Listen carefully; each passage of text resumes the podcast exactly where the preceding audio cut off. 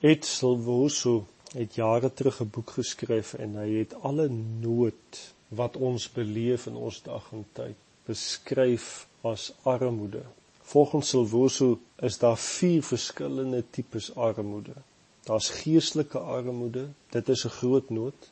Dit is mense wat nie weet van God se onvoorwaardelike liefde nie en dat hy 'n verhouding met hulle soek nie. Mense wat dit verwerp dat Jesus vir hulle alles gedoen het sodat hulle in verhouding met hom kan staan. Dit is mense wat geestelike armoede het, dit is 'n groot nood. Dan is daar verhoudingsarmoede.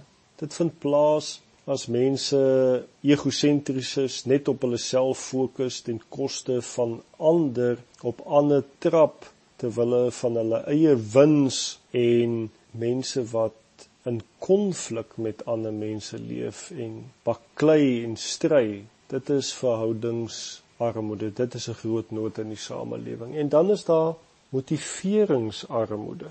Dit is 'n toestand waarin baie mense is waar hulle nie meer hoop het nie, waar hulle depressief is. Hulle sien geen uitkoms rakende uitdagings in hulle lewens nie. Hulle sien nie regtig kans vir môre nie. En dan is daar ook materiële armoede. Dit is mense wat net die basiese noodsaaklikhede nie het om mee te leef nie. En disipelmakers moet van hierdie armoede, moet van hierdie nood weet om by hierdie armoede, om by hierdie nood op watter wyse betrokke te raak. Is 'n natuurlike aanknopingspunt wat mense se harte ontvanklik maak vir jou. Maar onthou, raak by die nood betrokke, nie met 'n agenda om iemand te bekeer nie. Raak by die nood betrokke om deel te wees van God se beweging om nuut te maak op aarde, om te herstel, om te genees en in die aanspreek van die nood met opregtheid sal die Here deur sy gees mense se harte en lewens aanraak en sal dit hulle na Christus toe trek. Daarom moet disipelmakers die algehele nood van die gemeenskap en die wêreld aanspreek. En dit wys nie net na mense se geestelike behoeftes nie, maar ook na hulle fisiese, psigologiese en sosiale nood, hulle armoede gekonsentreer op hulle spesifieke konteks en omgewing waar jy jouself bevind. Daar is baie nood. Ons kan tussen die nood onderskei, maar uiteindelik gaan die Here altyd met jou praat of vir jou 'n gawe gee om een of meer van dit aan te spreek. Daar is mins geëvangeliseerde mense, mense wat sonder Christus leef, mense van ander gelowe of mense wat in hulle lewe nog nie een keer van Jesus gehoor het nie. Daar is mense wat net nie al vir Christus ontmoet het nie rondom jou wat nie aan 'n gemeente behoort nie, wat nog nooit ons Vader God se deernis, sy goedheid, sy guns, sy evangelie beleef gehoor het nie.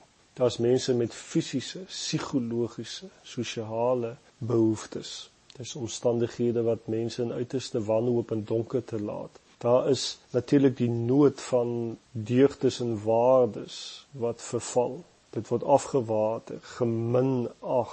Humanisme het ook sterk daarmee te doen. Die postmodernisme het daarmee te doen.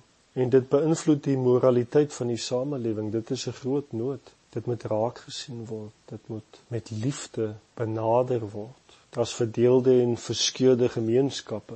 Mense wat baklei en veg deur faksies en konflikte en oorlog. Dit is 'n groot nood wat raak gesien en aangespreek moet word. En dan is daar natuurlik die natuur wat lei ons natuurlike omgewing wat misbruik word en vernietig word. Nou al hierdie nood raak aan die hart van die disipelmaker. Miskien is dit baie keer ook nie direk in jou konteks selfs nie, maar die Heilige Gees gee jou sensitiwiteit daarvoor. Hy wys jou heen daarna en dan moet jy dit tegemoet gaan want ook daar gaan jy mense raakloop met wie jy 'n verhouding kan bou en 'n disipelmakende pad kan begin loop. So elke disipelmaker, elke gemeente kan 'n verskil maak en moet opstaan in die versorging, die ontwikkeling en die transformasie van hul gemeenskap.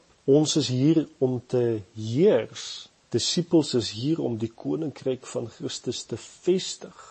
Ons is hier om ons gemeenskappe te kolonialiseer met die wil en die waardes en die beginsels en die kultuur van die koninkryk van God. En dit vra dat disipelmakers hul gemeenskappe sal benader met 'n leefstyl wat 'n impak maak. Want disipelmakers het 'n fokus op die koninkryk van God in hulle gemeenskap. Hulle verwag dat die koninkryk van God sal kom in hulle gemeenskap.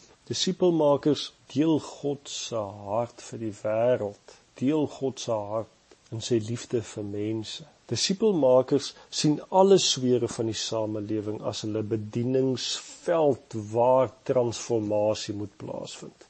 Disipelmakers spreek alle fasette van nood holisties aan.